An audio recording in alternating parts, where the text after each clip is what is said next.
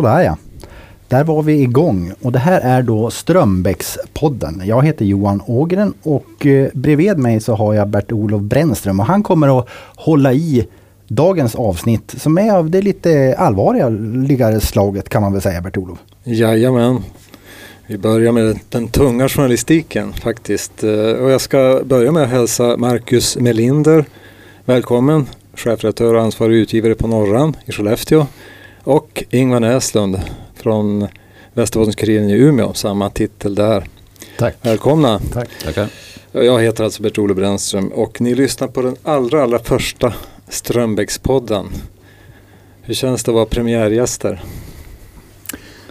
Det får man väl ta som ett heders, eh, ett hedersuppdrag lite grann. faktiskt. Verkligen. Kul, bra initiativ tycker jag förutom den, den vänliga introduktion tycker jag. Så här att det saknas bra lokala poddar om journalistik Mm. här i norr. Jag vet faktiskt inte om någon annan. Så det är bra. Mm. Ja, vad kul. Mm. Vi hoppas att det här blir en att det blir många avsnitt. Eh, och ni är ju faktiskt inbjudna för att ni har gjort något som vi tycker är väldigt intressant. Den här helt färska nazistgranskningen som båda era tidningar har, har gjort alldeles nyligen. Första delen publicerades den 26 oktober, alltså bara någon vecka sedan. Eh, och sammanlagt handlar det om fyra delar. Den, eh, om den ganska kraftigt framväxande högerextremismen i norr. Eh, varför gör ni just det här nu? Ja, du nämnde just det, den kraftigt växande högerextremismen och det är väl det som kanske då är, är det främsta orsaken egentligen. Det vill säga att vi i den här granskningen har kunnat se att man har då eh, i de här grupperna eller framförallt då en grupp som vi har eh, granskat då, Nordiska motståndsrörelsen, att man har ökat sina aktiviteter explosionsartat eh, det senaste året. Och vi har då tittat på hur, många aktiviteter och med aktiviteter menar vi då propagandaspridning, olika former utav hatkampanjer eller avspärrningsaktioner och så vidare. Det har ju inte varit några regelrätta demonstrationer här uppe men man, man flyttar fram positionerna har vi sett. Mm. Ingvar? Nej men det är som Marcus säger, det, det, dels det att vi vet eh, att aktiviteten har ökat. Eh, Säpo pekar ut den här gruppen som, som en av de så att säga, mer, mer eh, farliga för samhällets, eh, egentligen, det, det vi står för, det vi vill att Sverige ska vara, ett, ett demokratiskt samhälle. Där har de här, den här grupperingen ett annat sätt på hur de tycker att Sverige ska se ut i framtiden. Och det, det, det, strider så att säga, diametralt mot vad både VK och Norran står för. Så att, eh, sen kan vi också se att eh, i Umeå finns det också en, en tycker jag, en, en eh, stark vilja att så att säga, möta den här typen av åsikter och personer. Vi såg det 2013 med den här stora demonstrationen som var på torget och egentligen jag vet inte hur många tusen det var som stod upp mot nazismen. Så att det är ett ämne som verkligen engagerar väldigt många av våra läsare. Och, och eh, ingenting som man kan förhålla sig neutral till skriver ni. Det finns ingen gyllene medelväg mellan demokrati och diktatur. Nej, Nej det, det finns ju inte det. Alltså i grunden så handlar det här om hur ska vi se på nazismen? Är det en åsikt bland andra eller är det någonting helt annat? Vi har ju naturligtvis då som, som fria oberoende medier som verkar i en demokratisk anda så har vi valt att se på det här som Ja, precis som Ingvar säger, som Säpo, som alla eh, demokratiska institutioner ser på den här rörelsen som en en eh, odemokratisk organisation som vill omstörta demokratin, som vill införa diktatur i Sverige. Eh, och eh, av den anledningen så har vi ju också kunnat, och vi kommer väl till det just med själva namn och bildpubliceringar utav företrädare, kanske förhållit oss annorlunda till detta än vad vi skulle ha gjort med andra typer av föreningar eller organisationer. Mm. Ska vi snabbt dra lite vad ni har publicerat? Alla kanske inte har läst det. Ehm, Den första delen från 26 oktober alltså den avslöjar att nazisterna inte bara etablerat sig här i norr utan också växt explosionsartat som ni skriver. Förra året genomfördes till exempel 109 olika nazistiska aktiviteter i norr och Västerbotten enligt granskningen. Och de siffrorna är så vitt jag förstår hämtade från Expo. Uh, del två, ja, inte ja. bara Expo utan även ifrån då mm, deras egna kanaler om man säger. Både och då. Mm. Och del två eh, den 27 oktober, där, det är där ni namnger och beskriver ganska ingående ett antal huvudpersoner bakom Nordiska motståndsrörelsen som är verksamma här i norr. Och flera av dem anges också vara kriminella. I den tredje delen i den här Norrans och VKs granskning så publicerades, eh, så intervjuas offren av det här nazisthatet, eh, till exempel homosexuella och någon person bakom musikfesten, Trästocksfestivalen. Då. Och i måndags den sista oktober släppte ni fram ett par avhoppade före detta nynazister. Kommer det mera? Det får vi väl se. Eh, jag tror att sånt här, sån här stor och viktig fråga får man ju aldrig släppa. Eh, nu gjorde vi en tydlig ansats att göra någonting mer genomgripande eh, och bevaka den frågan utifrån så fyra viktiga perspektiv. Men, men jag tycker vi har en uppgift, både Norran och vi och andra medier, att följa den här rörelsen. För den är så omstörtande i vad de vill åstadkomma med samhället att det är, det är ganska självklart att vi givetvis kommer att fortsätta den här bevakningen i någon form. Var, var, varför valde ni samarbete? Ni brukar väl kunna vara konkurrenter ganska ofta när det gäller bra granskningar, bra gräv? Dels, det finns flera skäl till det. Dels så har vi, vi vilar på exakt samma värdegrund. Eh, det är givetvis en grundförutsättning. Sen är materialet omfattande och eh, vi har eh, tack vare samarbetet kunnat göra den här granskningen mer effektivt. Vi har också sett på det här problemet utifrån ett länsperspektiv snarare än ett lokalt perspektiv. Och då tycker jag det är klokt också att vi kan utnyttja vår lokala kännedom både i Skellefteå och Umeåområdet för att, så att säga, göra en, eh, granskningen ännu mer kvalitativ. Mm. Mm. Uh, vems var idén? Ja, jag vet inte var idén kom ifrån från början faktiskt. Uh, idén kom ju från, från uh, ett, en idé från, från VKs sida. Mm. Och jag tog kontakt med Marcus som var snabb att säga ja. Mm. Sen har det varit en resa fram till publiceringen också. Det, det, så är det ju alltid i sådana här typer av omfattande material. Precis och det är därför jag säger, jag kommer knappt ihåg vem som startade det här. Va? För att det var liksom det, det, är ett arbete som organiskt naturligtvis har växt fram. Alltså det finns någonstans alltså att vi ska granska det här. Sen i granskningen upptäcker vi den här enorma ökningen utav eh, eh liksom aktiviteter och det ena ger det andra någonstans. Va? Men du frågade där också om vi kommer fortsätta. Ja, Eh, det kommer säkert ge ringar på vattnet, det tror jag. De här fyra delarna var det som var liksom ingick i det här paketet. Men sen så är det ju som alltid när man väl presenterar en granskning så får man ytterligare tips eller det dyker upp andra, andra spår som man kan gå vidare på. Eh, så det är väl egentligen, jag, jag tycker ju någonstans att en, en, granskning av den högerextrema miljön det ska väl vara mer eller mindre ständigt pågående. Men sen kan jag säga att utan samarbetet med Norron tror jag inte att vi hade lyckats åstadkomma det här omfattande materialet. Jag tror säkert Marcus håller med om det, ja. det omvända också. Så det här är ett alldeles ypperligt exempel på hur jag tycker att lokaltidningar ska samarbeta i, i framtiden. Och då undrar jag lite grann varför inte någon av Norrbottenstidningarna är med. Därför att flera av de här som ni sen namnger som nynazister, de, de finns ju faktiskt i Norrbotten. Mm. Nu ska vi inte tala för dem, men det handlar mycket om timing, vilken typ av journalistik har de presenterat förut och det kanske inte låg rätt i tiden för dem. Så att, men eh, fick det, de frågan? Alltså, vi pratar med många alltid så att ja. i det här fallet, jag vet inte hur vi ska... Mm. Det, det, blev så här och det blev bra. Mm. Ja. Men det är inte uteslutet att, att de Nej, absolut inte. ytterligare medier kopplas in en annan gång? Alltså jag tycker nog till och med alltså, när det handlar om sådana här liksom, basala värdegrundsfrågor så ser jag ingen hejd på hur många som skulle egentligen kunna delta i en, i en granskning. Alltså alla vi eh, svenska seriösa medier står ju upp för de här värdena.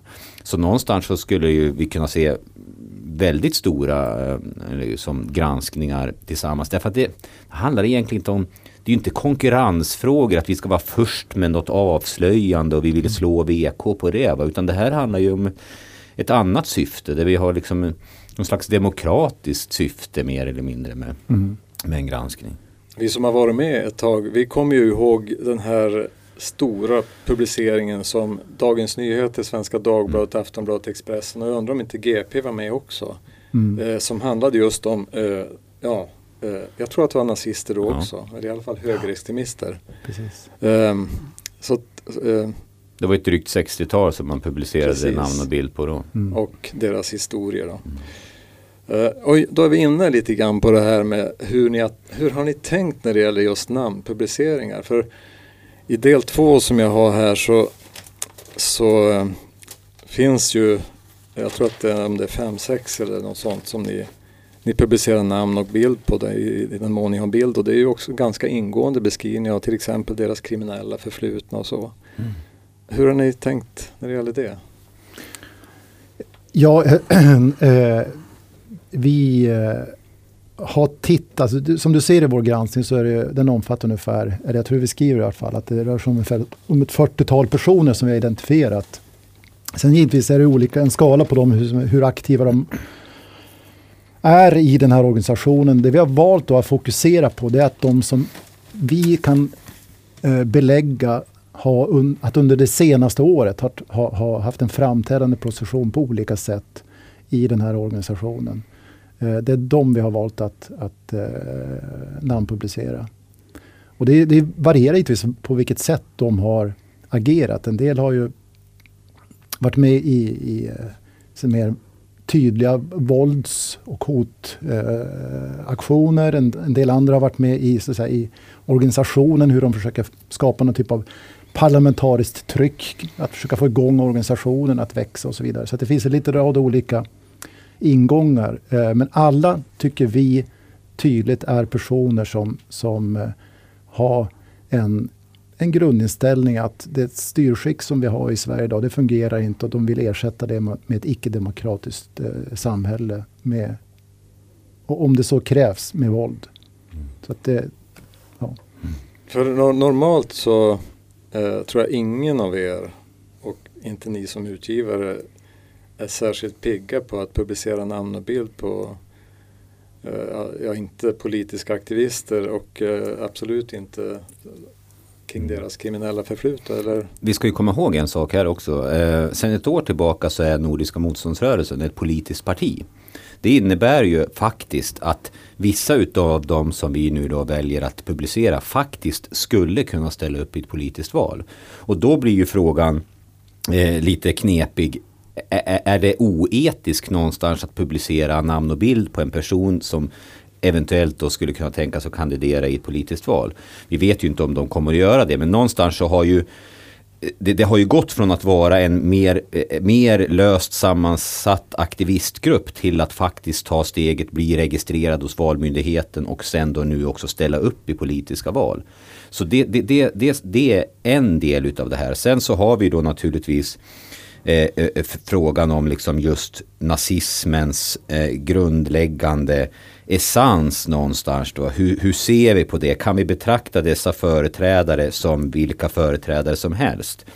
Vi har ju valt att inte göra det. Men vi har ju fortfarande inte publicerat alla. Vi har ju haft strikta kriterier. Man ska ha varit aktiv då på något sätt i den här. Man ska ha, ha liksom någon form av medlemskap eller någonting i Nordiska motståndsrörelsen och man ska ha varit aktiv under det senaste året. Så att många har ju sorterats bort också.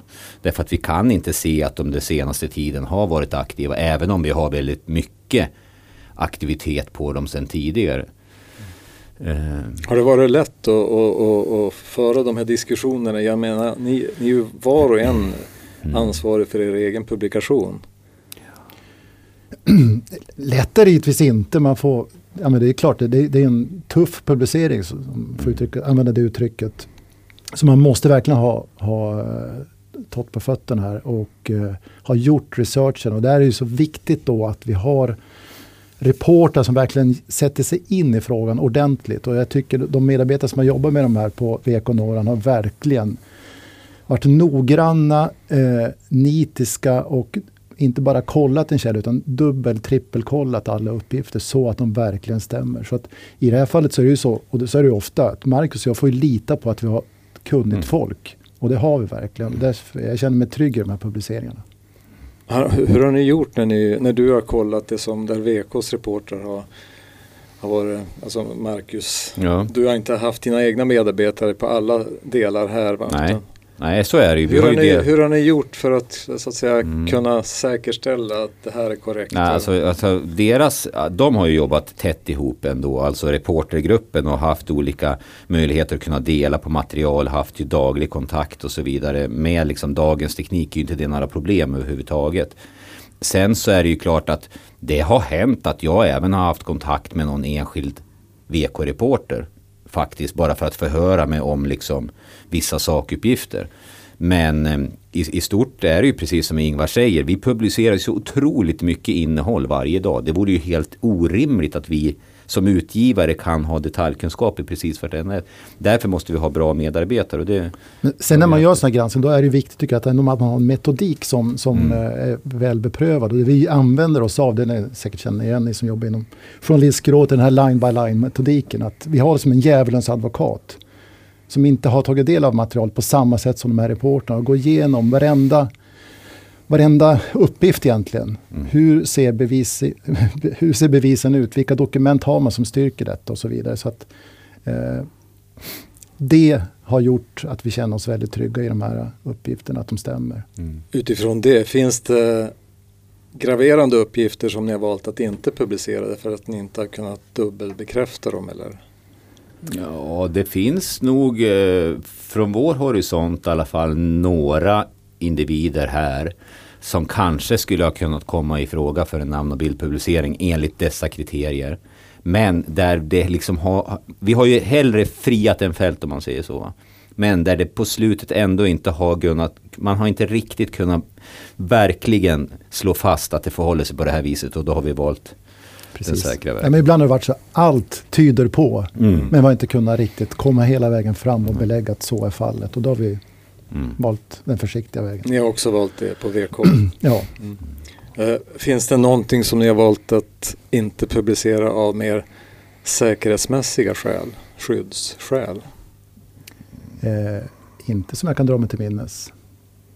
Nej, nej, eh, nej, inte av säkerhetsmässiga skäl. Så. Alltså en sån här publicering överhuvudtaget är ju naturligtvis förknippat med vissa säkerhetsfrågor och så vidare. Men inte så att vi liksom har valt bort någonting utav den, den anledningen. Nej. Men då är vi inne på, på det, därför att det är ju eh, som det brukar vara i den här typen av publiceringar och granskningar av eh, extremister av olika slag så har ni valt att publicera, att, att namnge ett antal, ganska stort antal medarbetare som, eh, som tillsammans får ta ansvaret för den här publiceringen förutom ni då som ansvariga utgivare. Eh, eh, och flera av dem känner jag igen som nyhetschefer, arbetsledare.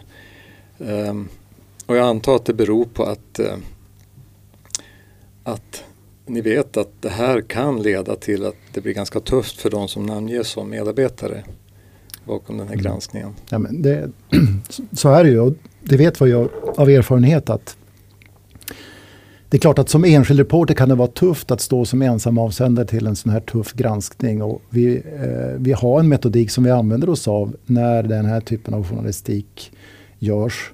Att på något sätt visa en, en, en styrka bakom publiceringen. Att det är många faktiskt som har jobbat med detta material. Det är ingen enskild reporter. Och eh, det är en signal också både internt och externt att, eh, att vi, vi är många som står bakom den här publiceringen. Ehm, och det, det kan man ju också se i andra medier som gjort liknande typen av granskningar. Att man, man, man publicerar gärna hela reporterstyrkan som, som avsändare snarare än en enskild reporter. Um, och det tror jag är klokt. Det ger en trygghet för de medarbetare som annars sannolikt skulle känna sig ganska så ensamma. Uh, och det vill inte vi att de ska känna sig. För att det här är ett lagarbete och publiceringen står hela tidningen bakom faktiskt. Och inte bara de här enskilda reporterna. Är det ännu fler än de här sju som finns på byline? Som har varit med i granskningen? Det är ju de här som har jobbat mest aktivt givetvis. Men det är fler givetvis som, som också har varit inblandade på något sätt. Så är det klart. Mm. Finns det medarbetare som har sagt att jag vill inte stå med namn? Det vill Nej. jag inte kommentera faktiskt. Nej, Alltså det man kan säga det, det, det, är väl att det är, det är jag och Ingvar som ytterst är ansvariga för våra respektive kanaler och, och, det vi publicerar där. Sen har vi naturligtvis reportrar som gör jobbet men någonstans så har vi ändå känt att det är viktigt också att visa att vi står för någonting annat. Vi, vi, vi på något sätt representerar liksom en demokratisk fri press där det, där, där det är självklart att skriva under med vem, vem man är.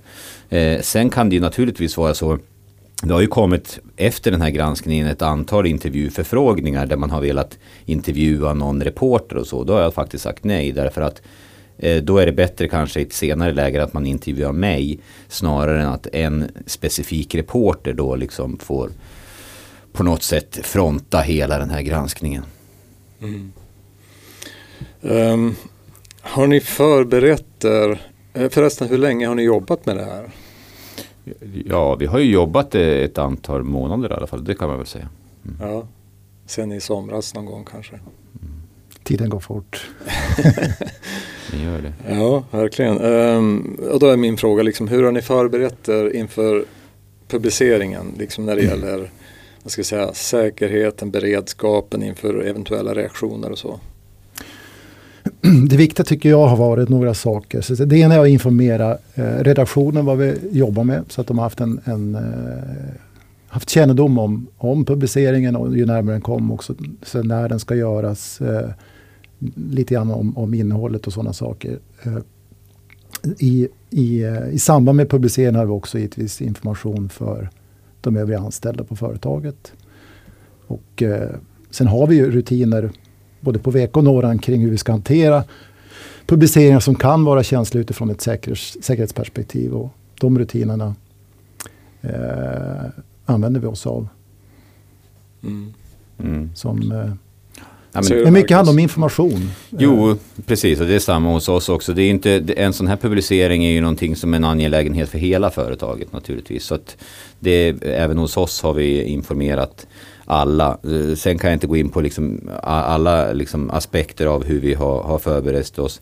Men det är klart att det är inte vilken publicering som helst. Så är det naturligtvis. Och det, det, det, är klart att vi har fått tänka till lite grann på vissa saker. Man måste ta det säkra för det osäkra helt enkelt. Mm. Och vilka reaktioner har ni fått då? Uh, ja, vi kan väl säga, alltså för Norrans hänseende så har vi fått uh, jättemycket positiv reaktion. Alltså väldigt många som hör av sig och tycker att det här är viktigt. Uh, att man har tyckt att det här har varit en bra granskning ehm, och man, ja, man, man, tycker att det fyller en viktig funktion. Eh, sen har det naturligtvis kommit eh, andra typer av reaktioner också Nordiska motståndsrörelsen har väl naturligtvis eh, publicerat i sina kanaler någon form av motreaktioner och så vidare. Men det är väl det är väl det som har kommit och det var väl det vi kanske möjligen hade räknat med också att det, det kommer lite samtal och något mail och sådär.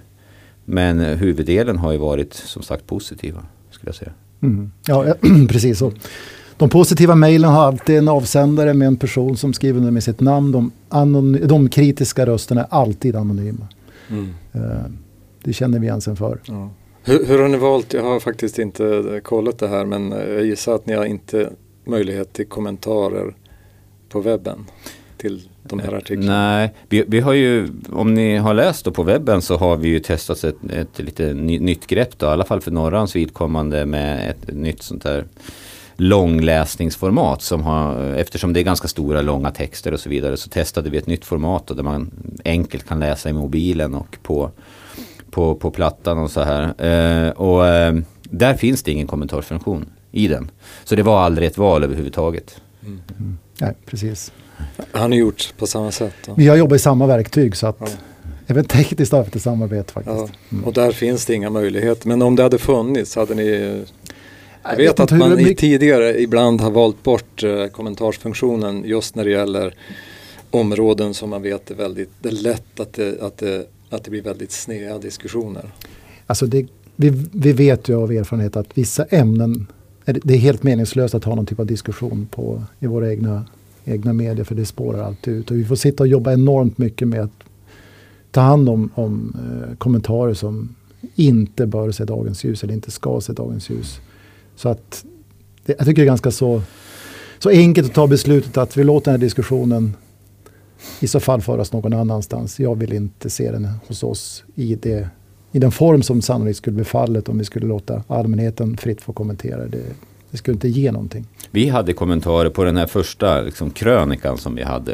Den ja. hade vi kommentarer på. Och det, det blev ju otroligt mycket kommentarer på den. Mm. Eh, men, men någonstans... Spårade, spårade det ur eller liksom höll det sig? Ja, det är klart att vi... Det, det, det var väl under ett dygn som man kunde kommentera på den. Eh, och eh, det är klart mot slutet där så, så var det väl kanske inte så mycket att det kom in nya röster i den här diskussionen utan det var ett antal som debatterade mer eller mindre med varandra. Eh, vi, har ju, vi har ju en kommentarsfunktion på norran.se. Många sajter har tagit bort den. Vi har, vi har kvar den. Eh, men det är klart att vi också väljer eh, i vissa lägen att ta bort den därför att just som Ingvar säger det, det vi vet vad som kommer, det kanske inte leder till den här konstruktiva debatten som vi egentligen är ute efter. Och i slutändan så handlar det någonstans om att det är jag som utgivare som är ansvarig för vad andra kommenterar. Eh, att, vi väl, att jag då väljer bort på vissa ställen, det, det är inte fråga om någon censur eller någonting sånt. Det finns ingen mänsklig rättighet att man ska få liksom säga vad som helst under någon annans utgivarskap. Eh, så, så då väljer vi bort det. Sen har vi också Facebook då naturligtvis. Mm. Där kanske då den här diskussionen har flyttat ut till nu då. Men även där försöker vi hålla samma nivå som vi skulle ha gjort på, på sajten. Även om jag formellt sett inte är utgivare där. För, för, ehm, men ni hade aldrig någon fundering på att inte äh, lägga ut det på Facebook eller så bara för att behålla kontrollen över det? Alltså någon del av faktiskt, vi, vi, just den här delen med Eh, med granskningen, den la inte vi ut på Facebook. Vi valde samma linje där. det känns... Alltså ska man ha ett material av den här arten på en, en, en medier som, som bygger på att folk ska få komma och tycka till, då, då, då måste man ju på något sätt löpa linan ut. Och i det här fallet så är det ett material som vi vet dis, diskussionen spårar ut. Så att vi försökte undvika att publicera på Facebook till exempel, där vi inte kan ha kontroll varje minut dygnet runt. Mm. Mm. Jag måste få fråga det ändå eftersom jag vet ju vilka grupper eller vilken grupp ni har granskat. Eh, har ni fått rena hot? Mm, jag kommenterar nog inte det heller tror jag faktiskt. Eh, jag kan väl säga att det har kommit reaktioner. Jag, jag väljer att passa på den frågan. Ingvar? Eh, ja, jag tycker Marcus formulerar sig bra där. Det, jag tycker att eh, det är många som har haft åsikter om granskningen. Eh, stanna där. Mm. Vi pratar alltså om eh, Norrans och VKs alldeles färska nazistgranskning eh, eh, som ju har publicerats den senaste veckan. Om ni lyssnar på det här nu i början på november. Eh, eh, finns det någonting idag som ni skulle ha gjort annorlunda? Eh, svårt att säga. Eh, jag tycker, när man gör det, om man tittar mer bara utifrån hur man bedriver en, en granskning och hur omfattande den ska vara, så tycker där har vi lärt oss en hel del. Nu begränsade vi oss till fyra publiceringar, det tycker jag är ganska så lagom. En granskning bör inte vara så mycket större än så. Eh, sen tappar folk intresset. Eh, det var tydliga vinklingar, tydliga ingångar på respektive del, de här fyra delarna. Eh, jag tycker att eh, eh, jag är nöjd faktiskt med publiceringen. Sen kanske är någon detalj som, som men inget som jag kan komma på spontant som, som vi skulle ha gjort annorlunda. I det stora hela är jag jättenöjd med materialet. Mm. Vi har lärt oss mycket. Vi har lärt oss väldigt mycket om hur vi, hur vi kan jobba liksom över redaktionsgränserna. Eh, jag som utgivare har lärt mig väldigt mycket också mm, kring hur jag, hur jag ska hantera den här stora mängden data som kommer in. Va? Den stora mängden information som man har att hantera. Det är klart att det är ju naturligtvis bara en bråkdel som i slutändan faktiskt publiceras. Eh, det är som ett isberg liksom. Alltså det, det, finns ju betydligt mer där under som inte publiceras. Eh, nej, svårt att säga exakt. Eh, ja, det finns säkert någonting jag skulle definitivt, det vore ju förmätet att säga att allting var perfekt, så är det absolut inte. Men jag, jag, jag är nöjd med den som den ändå blev. Mm. Den här granskningen handlar ju om högerextremismen som sagt var eh, och nazism. Eh, finns det skäl, inte skäl att, att också granska extremism av andra slag? Till exempel eh, här i Umeå så tror jag att den så kallade revolutionära fronten var aktiv för några år sedan i alla fall. Mm. Ja, den reaktionen har faktiskt kommit. Okej, nu gör ni den här granskningen, men varför gör ni då inte den andra, så att säga, den vänsterextremismen? Och det, självfallet så, så det är väl inga som... Eh, finns det inga skäl att säga nej på den frågan. Tvärtom, jag tycker att eh, all form av, av eh, aktivitet som har den här typ, typen av extrema yttringar som egentligen fast på olik, med olika typer av tematik vill, vill förstöra det vi har byggt upp i Sverige. Eh, de ska sättas under lupp. Mm. Ja, ja, definitivt. Nu, har vi inte, nu fick vi ju en väldigt liksom rak eh, nyhetsvinkel på det här i och med att vi kunde se att man ökar sin aktivitet så otroligt mycket. Och det var ju någonstans också en ingång till hela den här granskningen. Men jag är absolut inte främmande för för granskningar av andra eh, extrema grupper också. I den mån som vi kan se att de faktiskt är aktiva i vårt område. Ja, det är ju jätteviktigt. Alltså det, det, måste bygga på någon typ av nyhetsvärden. Då. Alltså bara för att man gjort det ena behöver man inte göra det andra. Det tycker jag blir en väldigt förenklad form av, av uh, sätta sig på journalistik. Uh, vi måste utgå det är från... Inte, det är inte så man balanserar. Nej, jag tycker inte det. det det måste finnas en aktualitet, en nyhetsvärde. Eh, ett, ett, mm. Det ska inte vara ett, ett, ett hela tiden. Mm. Det finns ju, ni har ju väldigt mycket gemensamt och ni har gjort det här jobbet gemensamt. Men det finns ju en skillnad. Det är, det är nämligen, som jag förstår det, så att ni bjuder på materialet på Norran. Eh, medan ni på VK, på webben och eh, digitalt liksom vill att man ska, och är man inte prenumerant så ska man betala för det. Hur har ni resonerat där? Ja, nej det, det, har ju egentligen inte med, med liksom den här granskningen att göra utan det, det är ju att vi befinner oss i olika faser eh, var, alltså, i, i våran liksom affär om man säger. Det, där man på VK har en väldigt uttalad affär där man liksom naturligtvis försöker tjäna pengar på privatkunder. Medan vi då eh, fortfarande håller på att bygga upp en, en bra digital position i vår del av, av landet. och Eh, vi har också olika former av eh, registrering. Vi har ju en registrering då som är gratis. Eh, men jag ska ju inte säga att vi inte också på sikt kommer att försöka på olika sätt ta betalt av våra privatkunder. Men, men vi är inte där just nu. Så det har egentligen inte med, med den här granskningen att göra. Vi har olika ja, sätt affärsmodeller. Ja, olika affärsmodeller i nuläget i alla fall. Mm. Men, men ni har valt att ta... Jo, vi valde det. Det jag kan se som en som jag blir väldigt glad över det är att jag menar, vi tittar på eh, exempelvis Dagens Nyheter som är väldigt i ropet just nu kring att man börjar få fart på sin dig, den digitala affären. Både på, på eller inte minst på läsarsidan att folk börjar prenumerera på deras digitala erbjudande. Och ett av deras, tycker jag, starkaste kort för att få igång detta, det är ju den kvalificerade journalistiken. De har ju anställt nya unga, hungriga, de fick Stora journalistprisnomineringar till exempel nu. Personer som gör väldigt, väldigt kvalificerad, bra grävande journalistik. Eh, för, och ett av skälen till att de gör det är givetvis rent publicistiskt. Vad ska DN stå för? Och lite så tänker jag också kring vad VK ska stå för. Vi ska stå för en väldigt kvalificerad, bra lokal journalistik. Den granskande journalistiken är ett fundament. Och då kan man ju tänka sig så här, ja, är det då någon som är beredd att betala för den? Är det verkligen, finns det en betalningsvilja? Och det kan vi då se, för att nu när jag tittade på hur många är det som har tecknat prenumeration på VK enbart på grund av att vi har publicerat den här granskningen kring, kring eh, eh NMR. Så är det, vi har aldrig haft så många faktiskt, personer som har tecknat prenumeration just på grund av en enskild publicering som denna. Så det här tror jag på även i framtiden att en, en, en, viktig, en viktig väg att gå för den lokala pressen om man har resurser, om man har den, den, den eh, publicistiska tanken att jobba vidare med den grävande lokala journalistiken. För den kommer också att vara kommersiellt intressant. Mm. Så det finns två viktiga värden där. Det rent publicistiska som vi har pratat om under programmet, men också den kommersiella delen.